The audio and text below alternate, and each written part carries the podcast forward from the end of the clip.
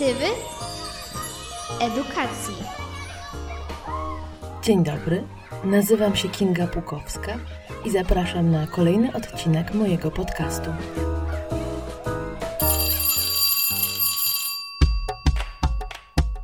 Dlaczego jesteśmy przywiązani do edukacji systemowej, mimo iż wiemy, że się nie sprawdza?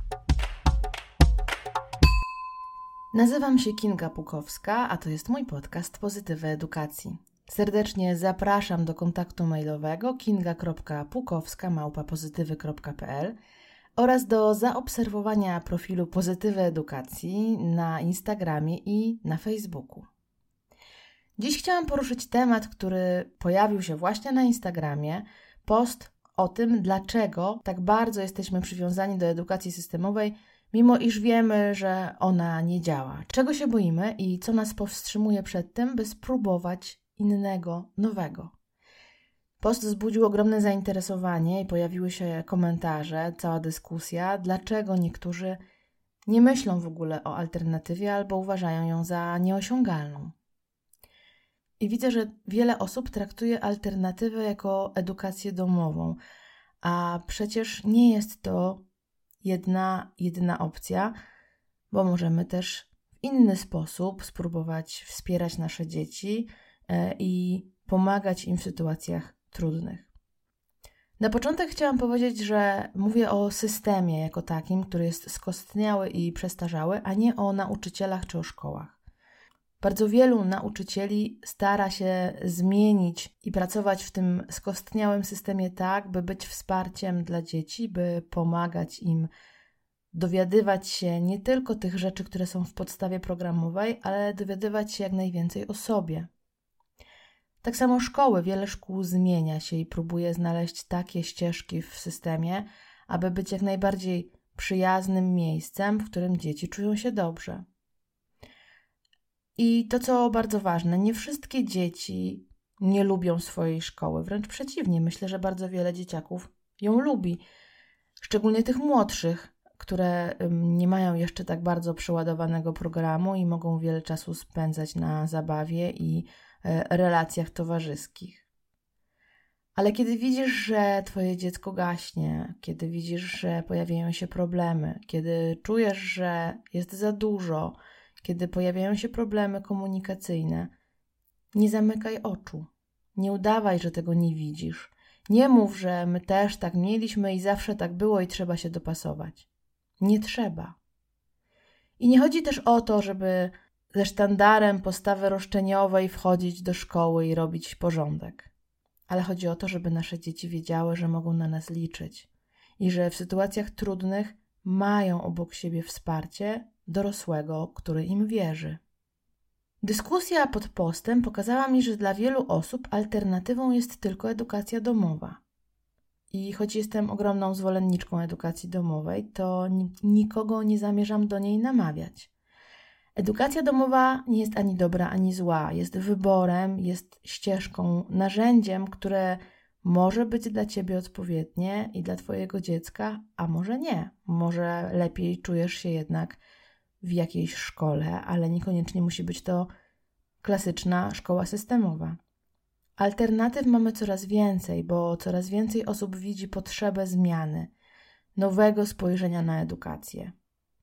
Już w samej edukacji domowej pojawia się mnóstwo projektów i programów, które wychodzą właśnie z domu i zapraszają uczniów z edukacji domowej do wspólnych projektów. Ja jestem tutorką w krakowskiej grupie LED, grupie dla licealistów z edukacji domowej, która polega na tym, że spotykamy się co dwa tygodnie i wspólnie spędzamy czas, poznając nowe miejsca, poznając ciekawych ludzi, ucząc się czegoś od siebie nawzajem, oglądając filmy, gotując. Wychodzimy na wycieczki, zwiedzamy Kraków w zależności od tego, na co mamy ochotę i w czym chcemy się w danym momencie rozwijać. Więc edukacja domowa to nie jest tylko siedzenie w domu, ale nadal nie jest to jedyna droga, ani nie twierdzę, że jest to droga najlepsza i dla każdego. Natomiast myślę, że alternatywą mogą być też innego rodzaju szkoły, szkoły Montessori, szkoły waldorfskie, szkoły demokratyczne, różnego rodzaju kooperatywy edukacyjne, szkoły, które mają programy autorskie, szkoły, które próbują znaleźć takie środki, takie metody, aby odejść od tych przestarzałych sposobów radzenia sobie w trudnych sytuacjach czy e, relacji szkolnej opartej na strachu i hierarchii.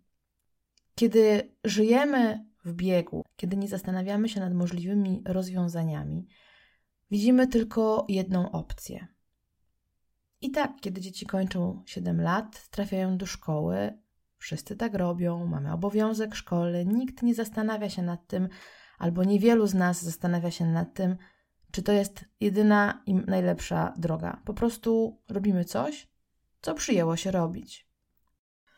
Dlaczego zatem, skoro wiemy, że edukacja systemowa się nie sprawdza, to dalej jesteśmy do niej przywiązani? Być może boimy się alternatywy, bo jest to trochę jak skok na głęboką wodę. Przecież wszyscy dookoła chodzili i chodzą do szkoły i to jest normalne.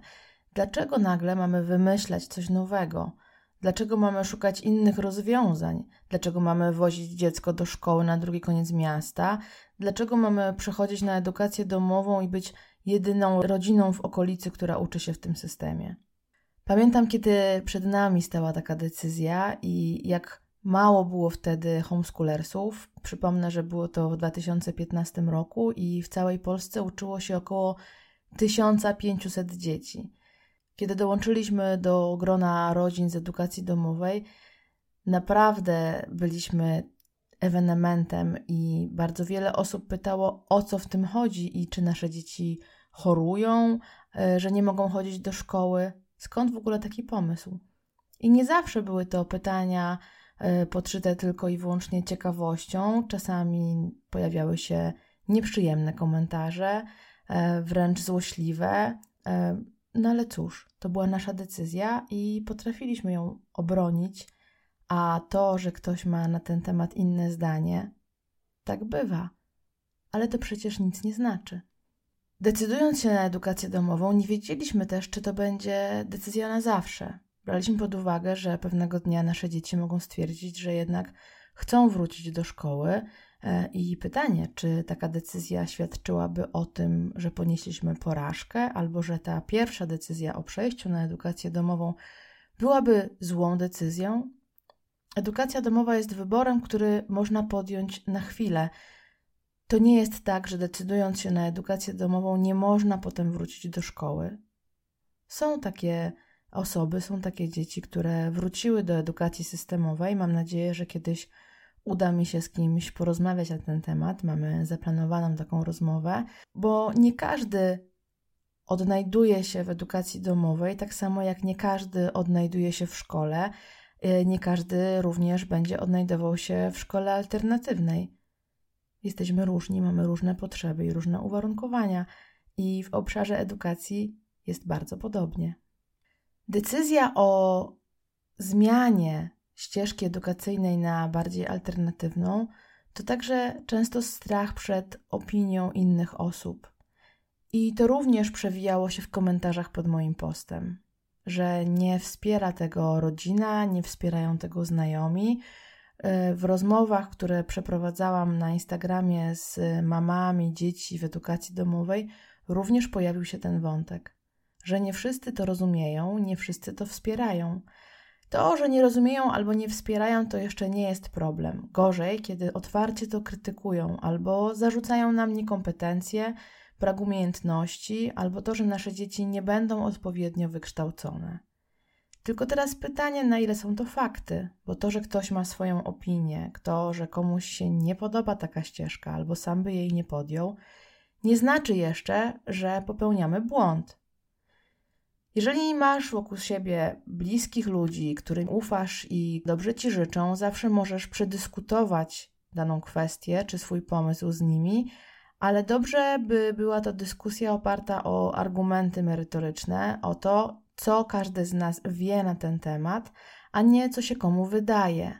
Dobrze jest czasami posłuchać opinii innych osób, ale nie znaczy to, że Twoja decyzja musi być z nimi zgodna. Być może przedyskutowanie pomysłu na edukację alternatywną z kimś bliskim, z kimś, kto dobrze Ci życzy, może Ci pomóc podjąć decyzję i może Ci ją pomóc podjąć, nawet jeżeli zdanie tej osoby będzie odmienne.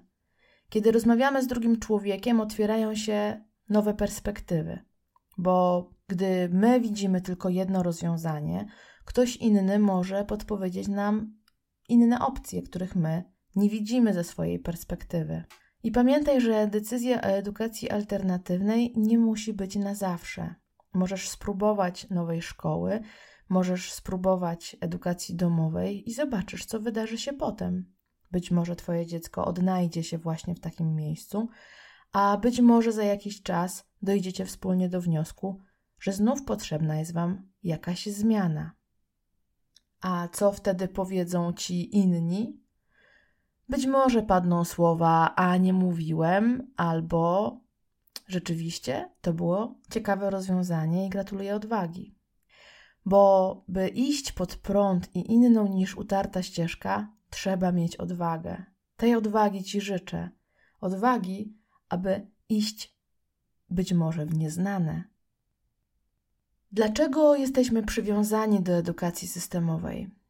Myślę, że my dorośli, którzy przeszliśmy tradycyjną ścieżkę edukacyjną, często nie potrafimy sobie wyobrazić, że może być inaczej. Ciężko jest nam spojrzeć na to z dystansem i zastanowić się tak naprawdę i rzetelnie, czy ta edukacja, którą my odebraliśmy, była tą najlepszą.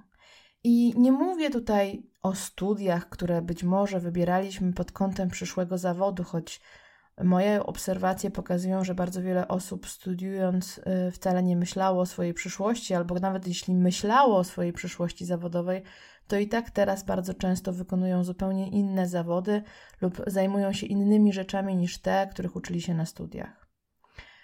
Nie neguję absolutnie studiów, to też jest wybór. Mój syn zaczyna najprawdopodobniej od października swoje studia, bardzo trzymam za niego kciuki, ale przecież są też inne y, ścieżki i nie każdy studiować musi. Myślę bardziej o tym, że my, jako produkty systemu, często nie potrafimy zrozumieć, że można inaczej. Bardzo wiele rzeczy wydaje nam się, że jest potrzebnych i niezbędnych, i że dzieci muszą coś wiedzieć, i że muszą się nauczyć. Co więcej, często jest tak, że sami jako dorośli tego nie pamiętamy, albo nie wiemy, albo nie rozumiemy, a mimo to bardzo mocno ciśniemy, żeby nasze dzieci umiały, rozumiały i wiedziały. Tylko po co?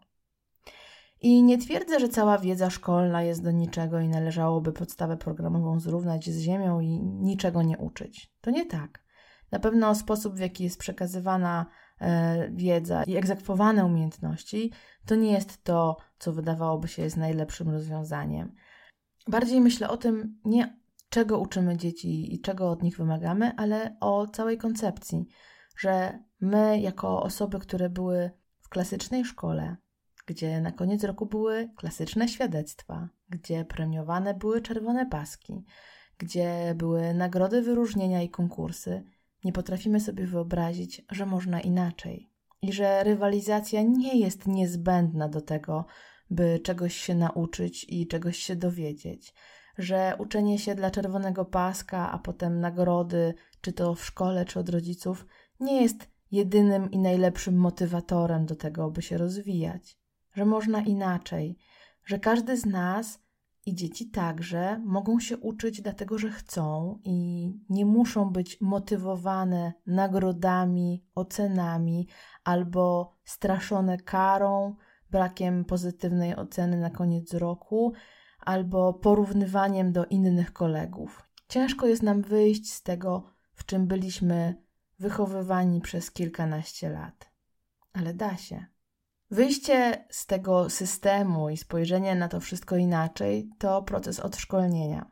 U jednych trwa krócej, u innych dłużej, a czasami nawet całe życie. Bo chociaż wierzymy w to, że można inaczej i myślimy o tym, że przecież nie o to chodzi, jakie będą oceny, i nie o to chodzi, żeby podstawa programowa została przerobiona w 100% i zapamiętana, to jednak kiedy przychodzi czas egzaminów, czy przychodzi czas klasyfikacji. Wielu rodziców łapie się na tym, że jednak te cyferki zaczynają mieć znaczenie, albo pojawia się stres, czy aby na pewno moje dziecko umie wszystko na egzamin. I to nic złego, jesteśmy tylko ludźmi. Pytanie, co widzą nasze dzieci i co słyszą nasze dzieci? Czy jesteśmy dla nich wsparciem? Czy e, potrafimy zrozumieć, że nie każdy będzie inżynierem? Czy umiemy rozmawiać o tym, że oceny nie są najważniejsze? Czy wspieramy ich pasję? Czy pomagamy im rozwijać się w kierunkach, które są dla nich najbardziej interesujące obecnie? Co będą robili, gdy dorosną? Nie mam pojęcia. Pytanie, czy oni w ogóle wiedzą? A czy ty wiedziałaś, czy ty wiedziałeś, co będziesz robić w życiu mając lat 12, 13, 14? Pewnie są tacy wśród nas, którzy już wtedy wiedzieli, że będą lekarzami, prawnikami czy architektami. I być może są też takie dzieci obecnie. Wspierajmy ich w tym, by ich marzenie zostało zrealizowane. Ale jeżeli Twoje dziecko jeszcze nie wie, kim chce być i nie wie, co chce robić, my dorośli powinniśmy pokazywać dzieciom świat, objaśniać go, inspirować i dawać motywację do działania. Nie pomaga w tym porównywanie, nie pomaga w tym ocenianie, e, nie pomaga w tym wyścig, kto będzie najlepszy i kto będzie miał wyższą średnią na świadectwie, bo oceny to nadal tylko cyferki. Bardzo podobało mi się zdanie Moniki Szczepanik, która organizuje liceum miejsce w Katowicach, w której również pracować będą tutorzy właśnie z młodzieżą licealną. E, I Monika powiedziała bardzo mądre zdanie. Różnica między nami, tutorami, a młodzieżą jest tylko taka, że my, dorośli, uczymy się dłużej. O edukacji właśnie myślę w ten sposób. My, dorośli, uczymy się dłużej i dobrze by było, gdyby młodzi patrzyli na edukację nie jako na przymus, nie jako na coś, co system narzuca i co jest koniecznością i właśnie tym złem koniecznym ale na edukację jako rozwój, jako zmianę, jako poszukiwanie. System tego nie wspiera. System oczekuje konkretnych informacji w konkretnym czasie, w konkretnym miejscu. Miałam w tym roku przyjemność wspierać egzaminy w edukacji domowej w naszej szkole i towarzyszyć młodym ludziom, którzy przyjechali na jedną z ostatnich tegorocznych sesji egzaminacyjnych. Ile tam było stresu, ile tych dzieciaków, szczególnie które dopiero rozpoczęły edukację domową, przychodziło zdenerwowanych, czy aby na pewno sobie poradzą, czy się uda, czy dadzą radę napisać, odpowiedzieć, a co będzie, jeżeli czegoś nie umieją. Niesamowicie cieszę się, że miałam też okazję poznać ogromne grono pedagogów, którzy łagodzili ten stres, którzy motywowali, wspierali i pokazywali, że każdy ma to coś i że egzamin może być spotkaniem i rozmową, a nie wypytywaniem i sprawdzaniem, czy aby na pewno otworzyłeś każdy rozdział w podręczniku i że na pewno znajdziemy coś, czego jednak nie umiesz. Bo w egzaminach nie chodzi przecież o to, aby wyrecytować podręcznik. Cieszę się, że miałam okazję spotkać takich nauczycieli, bo to naprawdę daje nadzieję, że edukacja, edukacja domowa, ale nie tylko edukacja domowa, może być przyjemna i nie musi być smutnym obowiązkiem. Kończąc, zachęcam Was do zaobserwowania Instagrama Pozytywy Edukacji, bo pewnie jeszcze nie raz pojawią się tam posty, pod którymi mam nadzieję rozgorzeje dyskusja Życzę Wam też, by nie zamykać oczu, kiedy widzicie, że dzieciom dzieje się krzywda i że jest im w szkole źle, i że wcale nie znaczy, że trzeba od razu zabierać je na edukację domową, albo że od razu trzeba koniecznie robić awantury. Natomiast myślę, że dla dzieci bardzo ważnym jest to, by mieć obok siebie dorosłego, który wspiera i któremu można ufać. Nie bójmy się zmian, nie bójmy się nowego spojrzenia Wyjdźmy ze swojej bańki i sprawdźmy, co jest poza nią. Jeśli widzisz, że Twoje dziecko źle znosi szkołę, jeżeli widzisz, że pojawiają się problemy, których wcześniej nie było, reaguj. Bądź wspierającym dorosłym swojego dziecka. Dziękuję za wysłuchanie kolejnego odcinka Pozytywów Edukacji. Zapraszam Was do kontaktu mailowego kinga.pukowska.pozytywy.pl oraz do zaobserwowania profilu na Instagramie oraz na Facebooku. Do usłyszenia.